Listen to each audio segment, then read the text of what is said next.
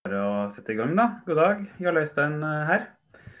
Tenkte jeg skulle snakke da om eh, kan kristne spise juleribbe med, eh, som en fancy Jeg likte jo for så vidt også veldig godt den her tittelen 'Juleribbe eller pinnekjøtt'. Hva sier Bibelen?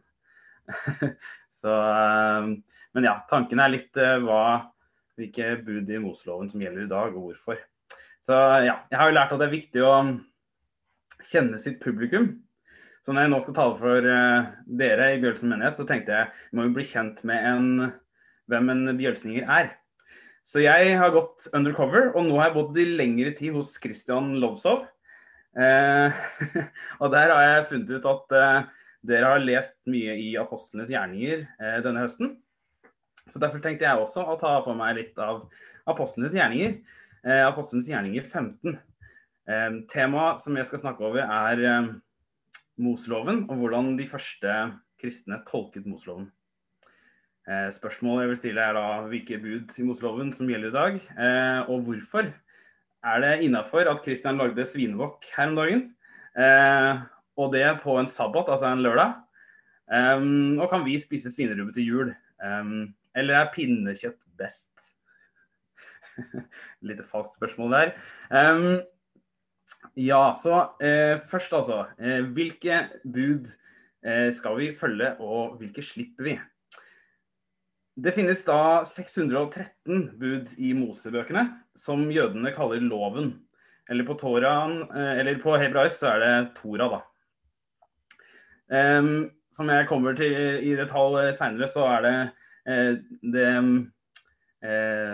det er, det er ganske mange, så jeg kommer ikke til å gå inn i dem i detalj. Men Eh, de kan da i hvert fall En vanlig måte å inndele dem på er statlige slash sivile bud eller og seremonielle bud. Eh, derunder renhetsbud, eh, som vi kommer til å komme mye innom denne gangen. Og moralske bud. Så tre, tre kategorier der, altså. Så jeg tenker vi bare å hoppe rett inn i apostlenes gjerninger 15. Eh, og i den sammenheng så kommer jeg til å, nå kom, herfra kommer jeg til å ha en slide, sliden oppe. Så hvis dere vil ha en annen Hvis dere vil se både meg og sliden, så finnes det en meny oppe i høyre hjørne for dere, da. Skal det i hvert fall være. Um, ja. Der har du en liten juleribbe. Um, da skal vi bare skyte den der. Så vi leser fra kapittel 15 eh, i apostlenes eh, gjerninger. Det kom da noen ned fra Judea og lærte brødrene i Antiokia slik. Hvis dere ikke blir omskåret etter den skikk vi har fra Moses, kan dere ikke bli frelst. Det oppsto da strid, og Paulus og Barnabas fikk et heftig ordskifte med dem. Eh, det ble da bestemt at Paulus og Barnabas sammen med noen andre av dem skulle dra opp til apostlene og de eldste i Jerusalem og legge dette spørsmålet fram for dem. Da de kom til Jerusalem, ble de mottatt av menigheten og apostlene og de eldste, og de fortalte om alt det Gud hadde gjort ved dem. Men det reiste seg noen av fariseernes parti som hadde tatt ved troen, og de sa de må bli omskåret, og en må pålegge dem å holde Moselov. Apostlene og de eldste kom da sammen for å overveie saken. Så har vi jukset litt og hopper rett til konklusjonen. Skal vi gå innom begrunnelsene seinere. Um, konklusjonen blei vi skal ikke gjøre det så vanskelig for dem av hedningene som vender om til Gud. Men vi skal skrive til dem at de skal avholde seg fra det som er smittet av avgudene, og fra hor, og fra det som er kvalt, og fra blod. For Moses har fra gammel tid av noen som forkynner ham i hver by, og han blir opplest på, i synagogene hver sabbat. Bakgrunnen for um, denne for at, uh, Bakgrunnen for problemet her var at jødene anså alle, alle andre folkeslag som urene. For å bli del av Guds folk så tenkte de nok derfor jødene at hedningene måtte omskjære seg inn i Guds pakt med Abraham, og at de måtte rense seg. Eh, ja, en hedning er da en uh, ikke-jøde. Altså vi er hedninger, for vi er ikke jøder. Men hva var da greia med urenhet, som vi leste om her? Uh, eller ja, som vi kommer inn på. Hva, hva er greia med urenhet? Gud ville at ville ha seg et, et hellig folk. Um, og i tredje Mosebok så begrunner Gud hvorfor israelitter ikke skal spise firfisler, murvarp, mus og andre krypdyr på denne måten. Gjør ikke dere selv motbydelige ved noe slikt kryp, kryp, og la dere ikke smitte ved dem, så dere blir urene. For jeg er Herren deres Gud, og dere skal være hellige. Dere skal være hellige, for jeg er hellig.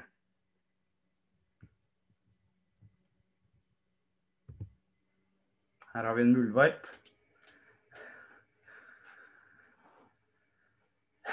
Ja, så hellig, det betyr eh, adskilt, tilsidesatt, unik og i noen ganger eh, opphøyd. Hellighet var begrunnelsen for at de skulle holde seg rene for Gud. Gud inngikk en eh, troskapspakt med Israel gjennom Moses, og ville ha et folk som var lojale, satte sin lit til Gud som var adskilt fra resten av verden for å være tilsidesatt til Guds ære, og som derfor skulle skille seg ut ved å avstå fra en mengde ting, slik som å spise gris eller muldvarp. En rekke bud ble gitt Israel, som ramset opp hva man ble uren av, sånn som muldvarp, og hvordan man kunne rense seg igjen, også kjent som renselsesritualer. Man kunne bokstavelig talt vaske urenheten av seg, og så om ren morgenen etter. Eller i noen tilfeller så måtte man ofre dyr for å, for å, bli renset. Slik jeg forstår disse, mange av disse renhetsbudene, så er det at Gud ba dem om å avstå fra ting eh, rett, av ren troskap til Gud. Ikke nødvendigvis fordi det var så farlig å spise gris. Tilliten ble satt på prøve. Noen av disse budene hadde riktignok eh, helsegevinster. For urenhet var ofte forbundet med død, blod og sykdom, men ikke alltid. Fødsel, samleie, ulike matretter som ikke var så farlig. Det er også ting, eksempler på ting du kunne bli uren av. Um, og så har vi synd, da. Synd gjorde dem også urene. Men det var ikke synd å bli uren. Så jeg har slogan 'Ikke alt urent er syndig, men alt syndig er urent'. Eh, og så er det viktig ting å vite om eh, jødisk eh, forståelse av urenheten. Og det, og, det, kan vi lese om noen steder også, at det skjedde i, i Gamle testamentet. Det er at ingen urenhet tåler Guds hellighet og Guds nærvær uten å bli utsletta. Hvis du går uren inn i Guds aller helligste, hvis du gjorde det, så døde du. Vi leste at apostlene konkluderte med en ganske underlig liste. Um, kan jo se på den på nytt igjen. Um, de skal altså avholde seg fra det som er smittet av avgudene og fra hor, og fra det som er kvalt, og fra blod. Uh, ja. Og så kommer de jo da med en begrunnelse, heldigvis. Um, og den begrunnelsen var at Moses har fra gammel tid noen som forkynner dem i hver by. Eh, slik jeg forstår denne begrunnelsen, så handler det nok mer om at jødene har flyttet til mange byer utenfor Israel, og at hedningene bør unngå å være til anstøt for disse jødene når de blir kristne. Eh, så jeg tror ikke akkurat dette her tror jeg ikke nødvendigvis handler om renhet i seg selv. Um, men hvis ikke, så må vi slutte å spise blodpølse. Uh, ikke at jeg syns det er noe stort tap, da. Men var dette alle budene? Var det bare å unngå hor, avgudsofret kjøtt og blod, og så var vi good? Eller var det noen bud som var for selvsagte til at det ble nevnt?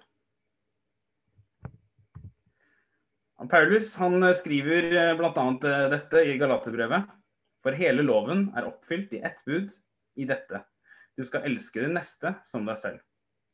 Og videre så skriver han kjødets gjerninger, eller kroppens gjerninger, er åpenbare. Det er slikt som utukt, urenhet, skamløshet, avgudsdyrkelse, trolldom, fiendskap, trette, avundssyke og the list goes on. Og så skriver han til slutt de som gjør slikt, skal ikke arve Guds rike. Men åndsfrukt er kjærlighet, glede, fred, langmodighet, mildhet, godhet, trofasthet, ydmykhet, avholdenhet. Mot slike er loven ikke. Jesus eh, nevner også kun eh, nestekjærlighet og de ti bud fra Mosloven eh, når han blir stilt dette spørsmålet hva må jeg gjøre for å arve evig liv? Så her svarer nok Paulus i tråd med Jesu lære. Vi merker oss også at både verken Jesus eller Paulus snakker om at forbudet mot å spise gris eller reker eller blod er sentralt. For det handlet om noe litt annet. Så det, nok, eh, det var nok eh, De moralske budene var nok for selvsagte for Paulus til å nevnes i brevet. Um, uh, I apostlenes gjerninger som de sendte til disse hedningene. Um, og jeg tenker jo Det blir en selvfølge når du vender om fra ondskap, at du ikke vil fortsette å gjøre ondskap. Once you know God, you wanna do good. Det er jo hele poenget med å vende om til Jesus fra synden og døden.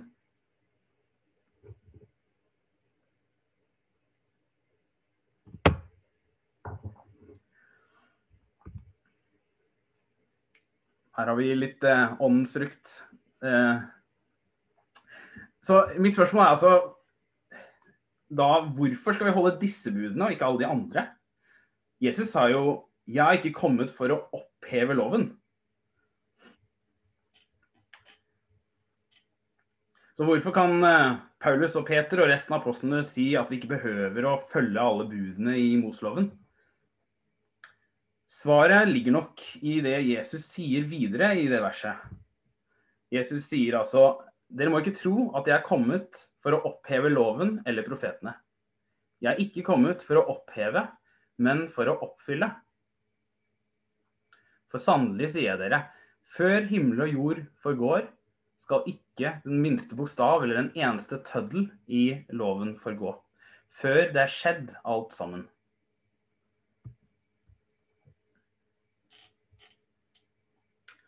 Svaret ligger nok i ordet 'oppfylt'. Hvordan Jesus oppfylte loven. Lovens ulike bud har nemlig ulike formål og ulike måter de ble oppfylt på. Men de er ikke ugyldige. De gjelder fortsatt i dag. På en måte, i hvert fall. Men Jesus har utført dem alle, utført dem alle for oss en gang for alle. Så vi behøver ikke å gjøre dem. Jeg tenker Vi kan se tilbake på Peter, hvordan Peter argumenterte for at hedninger eh, som ikke behøver å bli omskåret eh, eller, eller, avstå fra urent svinekjøtt. Hvorfor, hvorfor skulle ikke det? Um, og Peter argumenterer som følger. Peter eh, reiste seg og sa til dem eh, Brødre, dere vet at Gud for lenge siden valgte ut meg blant dere, så hedningene av min munn skulle høre evangeliets ord og komme til tro. Og Gud, som kjenner hjertene, ga dem vitnesbyrd i det han ga dem Den hellige ånd, like som oss. Han gjorde ingen forskjell på oss og på dem. For ved troen renset han også deres hjerter.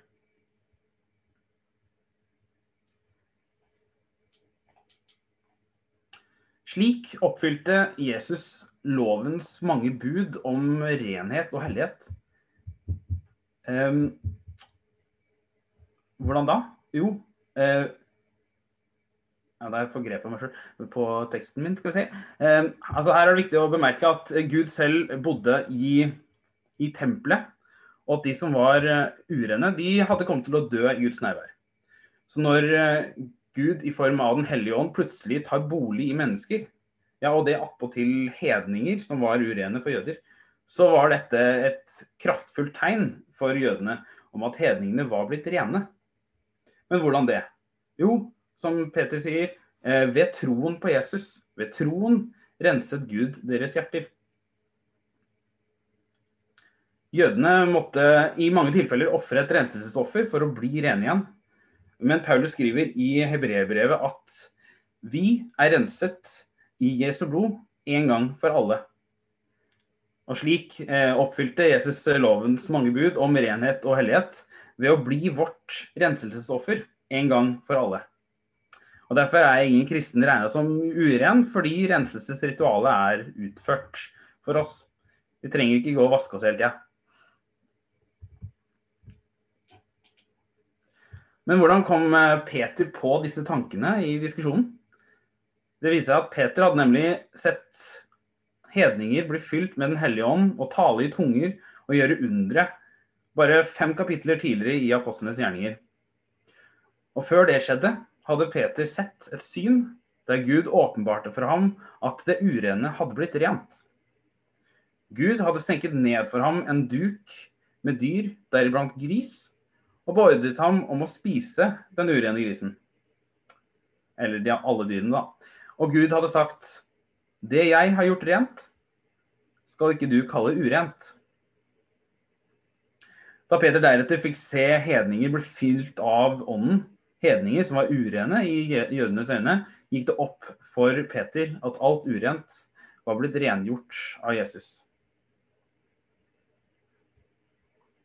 Videre i diskusjonen så bygget eh, Jakob opp under det Peter og Paulus eh, hadde sagt om, om at Gud tok bolig i hedninger, ved å minne apostlene på at det var i tråd med den nye pakten som ble profetert i Amos, eh, profeten Amos eh, sin bok, kapittel 9. En ny pakt mellom Gud og alle folkeslag, også hedninger. Vi eh, leser det bidraget i diskusjonen også. Etter at Peter hadde talt, så tidde hele mengden. Og de hørte på Barnabas og Paulus, som fortalte hvor store tegn og under Gud hadde gjort blant hedningene ved dem. Etter at de hadde talt, tok Jakob til orde og sa, Brødre, hør på meg. Simon har talt hvordan Gud fra først av har sørget for å ta ut av hedningene et folk for sitt navn. Og med dette stemmer profetenes ord overens. Som det står skrevet, deretter vil jeg vende tilbake og igjen bygge opp Davids falne hytte. Det nedbrutte av den vil jeg igjen bygge opp, og jeg vil gjenreise den for at resten av menneskene skal søke Herren, ja, alle ja, alle hedningfolkene, som mitt navn er blitt nevnt over. Så sier Herren, han som gjør dette, som han har vist fra evighet av. Derfor mener jeg at vi skal det, ikke skal gjøre det vanskelig for dem av hedningene som omvender seg til Gud. Vi skal skrive til dem, og så kommer lista med alt de ikke skal det de slipper Det de ikke skal Det skal holdes unna. Um, så det her er altså argumentet for for uh, hvilke bud som, uh, som, gjelder for de hedningene kristne. da.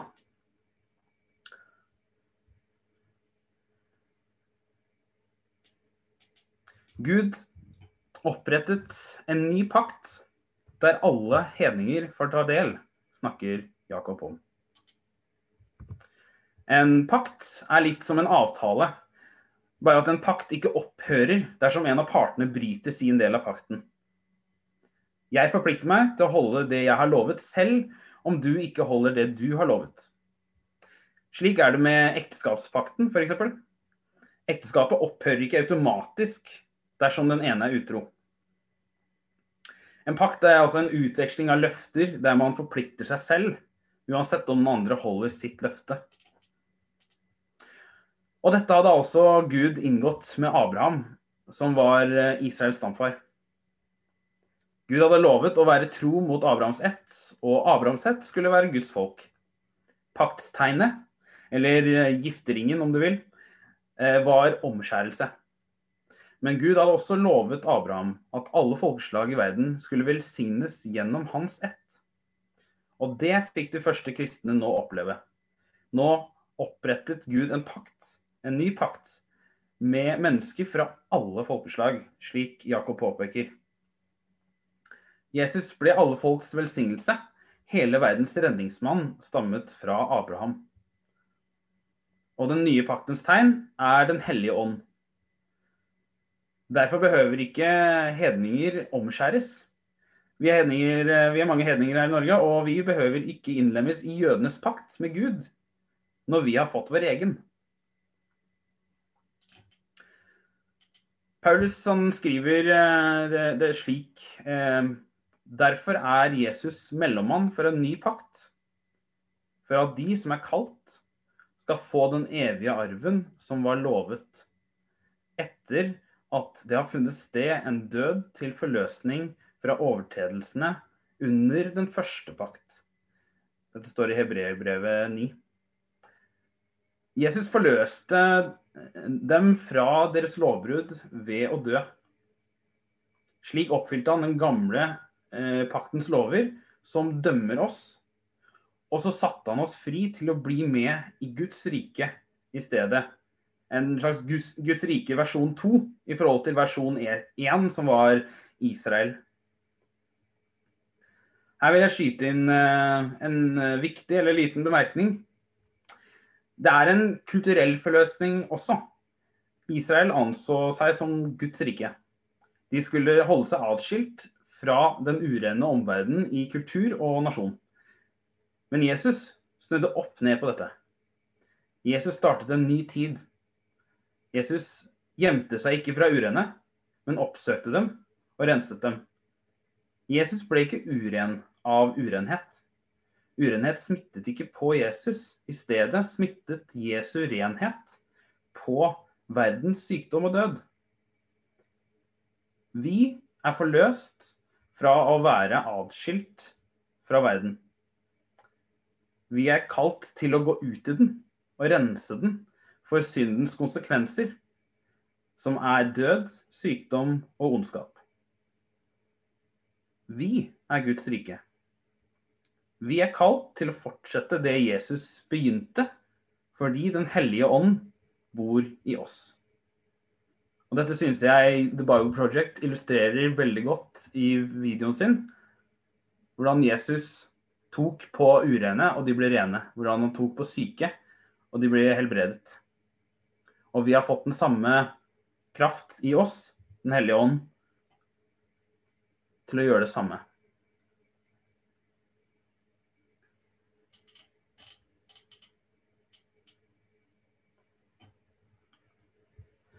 Vi ser også tilbake litt eh, fra opprinnelsen eh, til diskusjonen i Apostlenes eh, gjerninger 15. Eh, der ser vi at eh, omskjærelse var hovedtema for diskusjonen. Fariseerne påsto at hedningene måtte omskjæres for å bli frelst. Men stemmer det at, de, at det er en nødvendighet for å bli frelst?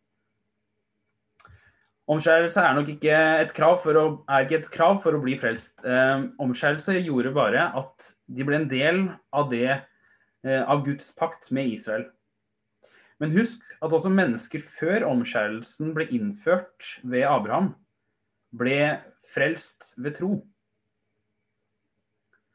Så var det tro som frelste dem, ikke omskjærelsen.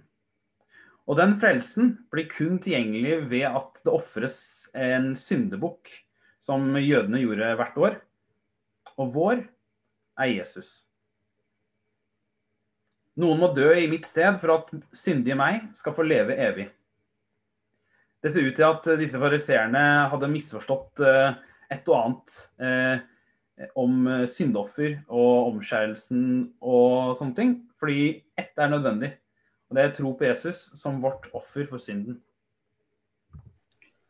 Ja, Var det noe Nei. Ja. Vi, vi, vi så ikke slide før, men nå ser vi sliden igjen. Nå er det greit. Ja, takk. Når det gjelder eh, renhetsbudene, så skrev Paulus at de gjaldt midlertidig. Sammen med bud om mat og drikke og forskjellige renselsesbad er dette kjødelige forskrifter som er pålagt inntil den tid da alt skulle settes i rette skikk, skriver Paulus.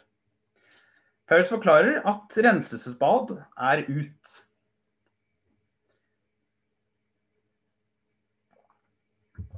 Vi har del i en ny pakt. Kategorien kjødelige forskrifter var midlertidig inntil den nye pakten ved Jesus. Eh, og disse rensbudene hadde altså en begrenset virkeområde for de som liker juss. Eh, det var begrenset til Israels pakt gjennom eh, Moses. Eh, Paulus skriver eh, bl.a. og videre også at eh, når han, taler, når han taler om en ny pakt, har han dermed erklært den første som foreldet, sier han om Jesus. Så altså at den er utdatert, eh, den gamle pakten er utdatert. Og Det var jo dette Jesus også snakket om eh, da han sa ingenting i loven skal forgå før det har skjedd alt sammen. Og så skjedde det. Jesus oppfylte loven. Så jeg vil jo si at eh, Moseloven den er, har paktbegrensede bud og objektive bud. Objektive bud er bud som gjelder for alle mennesker til alle tider paktbegrensede bud gjelder kun for de som inngikk pakten, i dette tilfellet Moses og israelsfolket. Det gjaldt eh, inntil de ble oppfylt. Satt i rette skikk, for å si det med Mosen Paulus sine ord, eller fiksa på, gjort opp for. Mens noen ting er viktigere enn andre. Noen ting er på død og liv. Andre handler kun om, å, om hvorvidt man er skitten eller ren. Alle mennesker skal bli dømt ut ifra hvor rettferdig og god man har vært. De moralske budene Gud ga oss i Moseloven er derfor objektive. Altså, de gjelder for alle mennesker. Jesus ble spurt, gode mester, hva skal jeg gjøre for å arve evig liv? Jesus svarte, budene kjenner du. Du skal ikke slå i hjel. Du skal ikke bryte ekteskapet. Du skal ikke stjele. Du skal ikke vitne falskt. Du skal ikke bedra noen. Hedre din far og din mor. Så noen bud er altså begrenset til pakt, og noen bud er objektive. De moralske budene har rett og slett implikasjoner for evigheten vår. Det ble et før og et etter Jesus. Jesus oppfylte Moselovens bud og løfter, og vi fikk erfare de gode konsekvensene av det. Gud selv, i form av Den hellige ånd, tok bolig i oss. Jeg har laget en kontrastregle for å få frem forskjellen mellom GT og NT, mellom jødedom og kristendom. Det er altså et før og et etter Jesus. Det gikk fra gammel pakt til ny pakt. Fra omskjærelse til dåp og Den hellige ånd. Fra et Israel i dommens tid til et liv i nådens. Fra defensiv til offensiv. Fra å være syndere og urene eh, fra, fra, å holde syndere og urene ute til å gå ut til syndere og urene. Fra atskilt til misjonerende. Fra smittefare til Jesu helbredende, rensende kraft. Fra at urenhet smitter til at renhet smitter. Fra Gud i tempel til Gud i oss. Fra syndebukk ofret hvert år til Jesus ofret en gang for alle.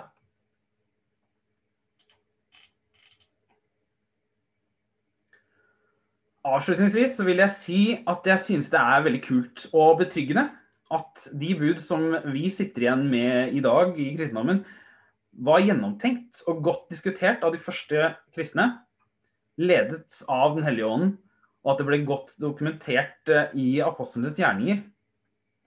Det var ikke en gradvis endring der folk bare glemte hvordan Moseloven skulle forstås. Det har heller ikke vært eh, cherrypicking av lover, slik eh, noen har anklaget kristne for. Nå har vi jo vært gjennom et ganske komplisert og et ganske stort tema, og det er mye som kan sies. De, så jeg tenker kanskje en oppsummering vil være lurt. Så det vi har snakket om, det er altså hvilke bud skal vi følge i dag.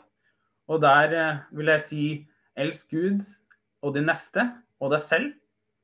Og slik utfører du de ti bud med tilhørende forskrifter. Uh, så det er det nok av i Mosloven. og hvorfor disse? og ikke de andre budene? Hva gikk opp for apostlene og Peter og Paulus i Apostlenes gjerninger kapittel 15? Jo, Jesus opprettet en ny pakt, og Jesus har oppfylt den gamle pakten. Det gjorde han ved å bli vårt offer en gang for alle. Og så sendte han oss Den hellige ånd som paktstegn på den nye pakten. Omskjærelse på penis tilhørte den gamle, og er unødvendig for frelse. Og så finnes det da altså paktbegrensede bud versus objektive bud. Noen er begrenset til pakten, slik som forbudet mot å spise gris, juleribbe, eh, mens andre gjelder for alle mennesker til alle tider. Det er da de moralske budene. Så jeg, vi kan spise juleribbe med god samvittighet. Jeg tenker at jeg avslutter med en bønn. Kjære far, jeg takker deg for at du, du kom ned til oss og vil rette opp alt som har gått skeis. At du har frelst oss og dødd for oss en gang for alle. Slik at vi kunne forsones med deg og bli en del av din familie og ditt rike. Takk, Helligånd, for at du vil bo i oss og gi oss din glede og fred. Helligånd, fyll oss, form oss og før oss i hverdagen. Velsign menneskene rundt oss og led oss i hverdagen, så vi får med, være med på å spre din godhet. Og takk for at vi slipper å slakte duer og geitebukker hele tiden. Amen.